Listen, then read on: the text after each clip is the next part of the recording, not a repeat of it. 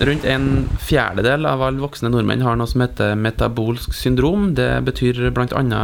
høy risiko for hjerte- og karsykdom. I den sjette episoden av Serg-podkasten skal vi snakke om trening for personer som har metabolsk syndrom, og derfor har jeg tatt turen innom kontoret til Arnt Erik Kjønna, som forsker på nettopp det. Og Arnt Erik, kan du først eh, si litt om metabolsk syndrom? Hva er det egentlig? Ja, det er jo egentlig som du sier, Anders. Det er en opphopning av risikofaktorer for hjerte-kar. Eh, og de nyeste definisjonene fra eh, Diabetesforbundet, det internasjonale diabetesforbundet, er jo at Midjemål er hovedinkursjonsfaktoren. Så har du et midjemål over en viss cutoff, så den må du ha for å bli inkludert. Og I tillegg til det så må du ha to tilleggsvariabler som er risikofaktorer for hjerte-kar. Da er det enten forhøya blodtrykk, eh, forhøya fasteglukose, eh, for lav HDL-kolesterol, som er det gode kolesterolet i kroppen, eller eh, forhøya triglyceride, som er fettstoffene i, i blodet. Nå er det sikkert mange som sitter og lurer på om de har metabolsk syndrom. Da. Hva er denne cutoffen på midjemål som du snakker om? Eh, det går faktisk på etnisitet òg, hvor du er fra i, i verden. Men på, eh, på eh, mannfolk så er det vel 96 cm. Og på kvinnfolk så er det vel over 80 cm på midjemål. Og da må du måle mellom hoftebeinet, toppen av hoftebeinet og nederste ribbein, midt imellom der, for å få det eksakte midjemålet.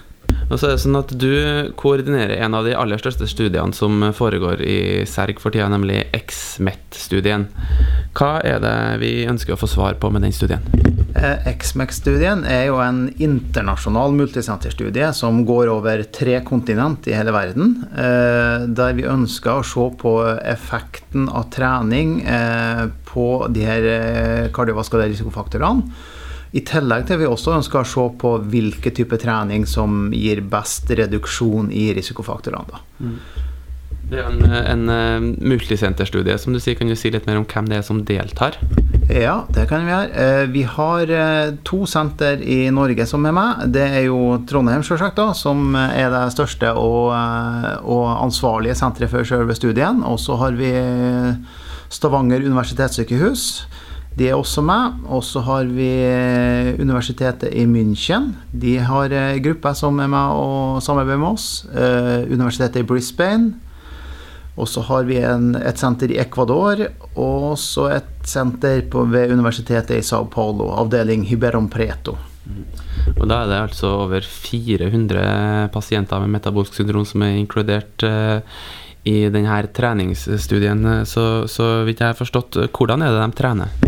De trener Vi har tre forskjellige intervensjoner. da. Eh, kontrollgruppa, som, som, er dagens treningsråd, egentlig, på moderat.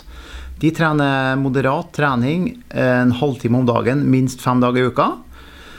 Eh, en av de andre intervensjonsgruppene er også egentlig dagens treningsråd, men det er høyintensitet. Og da er det høyintensitetstrening, som er fire ganger fire i dette tilfellet. Eh, tre dager i uka, eh, ca. 40 minutter. Mens den siste gruppa er en litt sånn eh, lav volum høyintensitetstrening, som trener kun ett fireminuttersintervall, og så det er tre ganger i uka. da, og De trener kun en 15 minutter hver gang. Hva er hensikten med å ha med den én ganger fire-gruppa? Eh, det er jo litt av eh, Bakgrunnen til det er jo folk klager heller på tidsklemma hele tida. De har ikke tid til å trene. Og når vi kutter ned såpass mye og sier at 15 minutter har de fleste anledning til å, å trene uansett, så det er liksom mye av bakgrunnen. Også, vi har også visst i en tidligere studie at uh, er du utrent i utgangspunktet, så, så, trenger du ikke ha så mange intervaller. Bare at du har uh, høy nok intensitet på den, så har du veldig god effekt på, uh, på, på en del risikofaktorer. Måler jo ganske mange variabler i denne XMET-studien. Kan du si litt mer om hvordan dere vurderer variabler for effekt av trening? Eh, vi måler jo hovedsak eh, effekten av trening ifølge av eh, maksimalt oksygenopptak. Da. Det beste målet på kondisjon. Det er jo det som er hovedoutcome, eller ikke hovedoutcome, men en del av hovedoutcome på kondisjon. Og så sammenligner vi de her forbedringene der med forbedringene i de kardiovaskulære risikofaktorene. Mm. Andre målinger? Ja, vi måler Ja, det er masse. Uh, alle blodprøvene vi tar. I tillegg så har vi en egen biobank uh, der vi fryser ned masse blodprøver. Så kan vi gjøre uh, genetiske analyser i etterkant. Vi har flere typer spørreskjema som går på fysisk aktivitet og litt sånn depresjonsspørreskjema. vi har kjørt en del biopsier på en, en del pasienter. Eh, eller deltakere, vil jeg si. da, Men også har vi også en substudie som går på blodvolum. Eh, vi har substudier som går på ekkokardiografi, både aktivitet og i hvile. Jeg må tenke her nå. Eh, vi har også substudier som går på depresjon. Vi har substudier som går på motivasjon og drop-out, faktisk. Uh, som kanskje er en av de mest uh, ja, kanskje artige resultatene vi vil se i etterkant. For da kan vi jo si litt om hva, hva er det som kreves uh, av de som Eller hva som kreves for å fortsette å trene. Det, det, er, veldig, det er, et veldig interessant. Greier vi å løse det spørsmålet, så har vi lagt det store gullegget, tror jeg. Altså. Når kan vi vente å få resultater fra Exmet?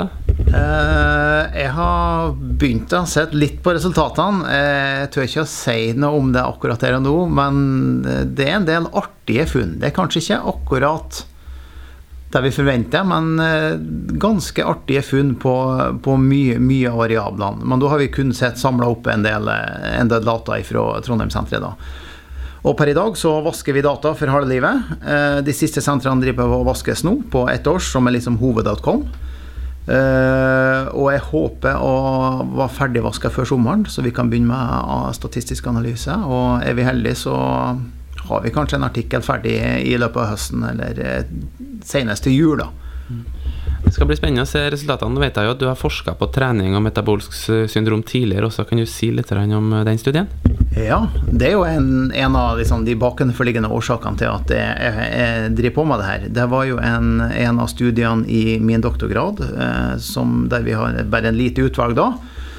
Og da sammenligner vi moderat trening med ei kontrollgruppe som ikke trener i hele tatt, og ei fire ganger fire intervalltreningsgruppe. Da. Og da så vi jo at eh, begge treningsgruppene hadde stor reduksjon i de kardiovaskulære risikofaktorene.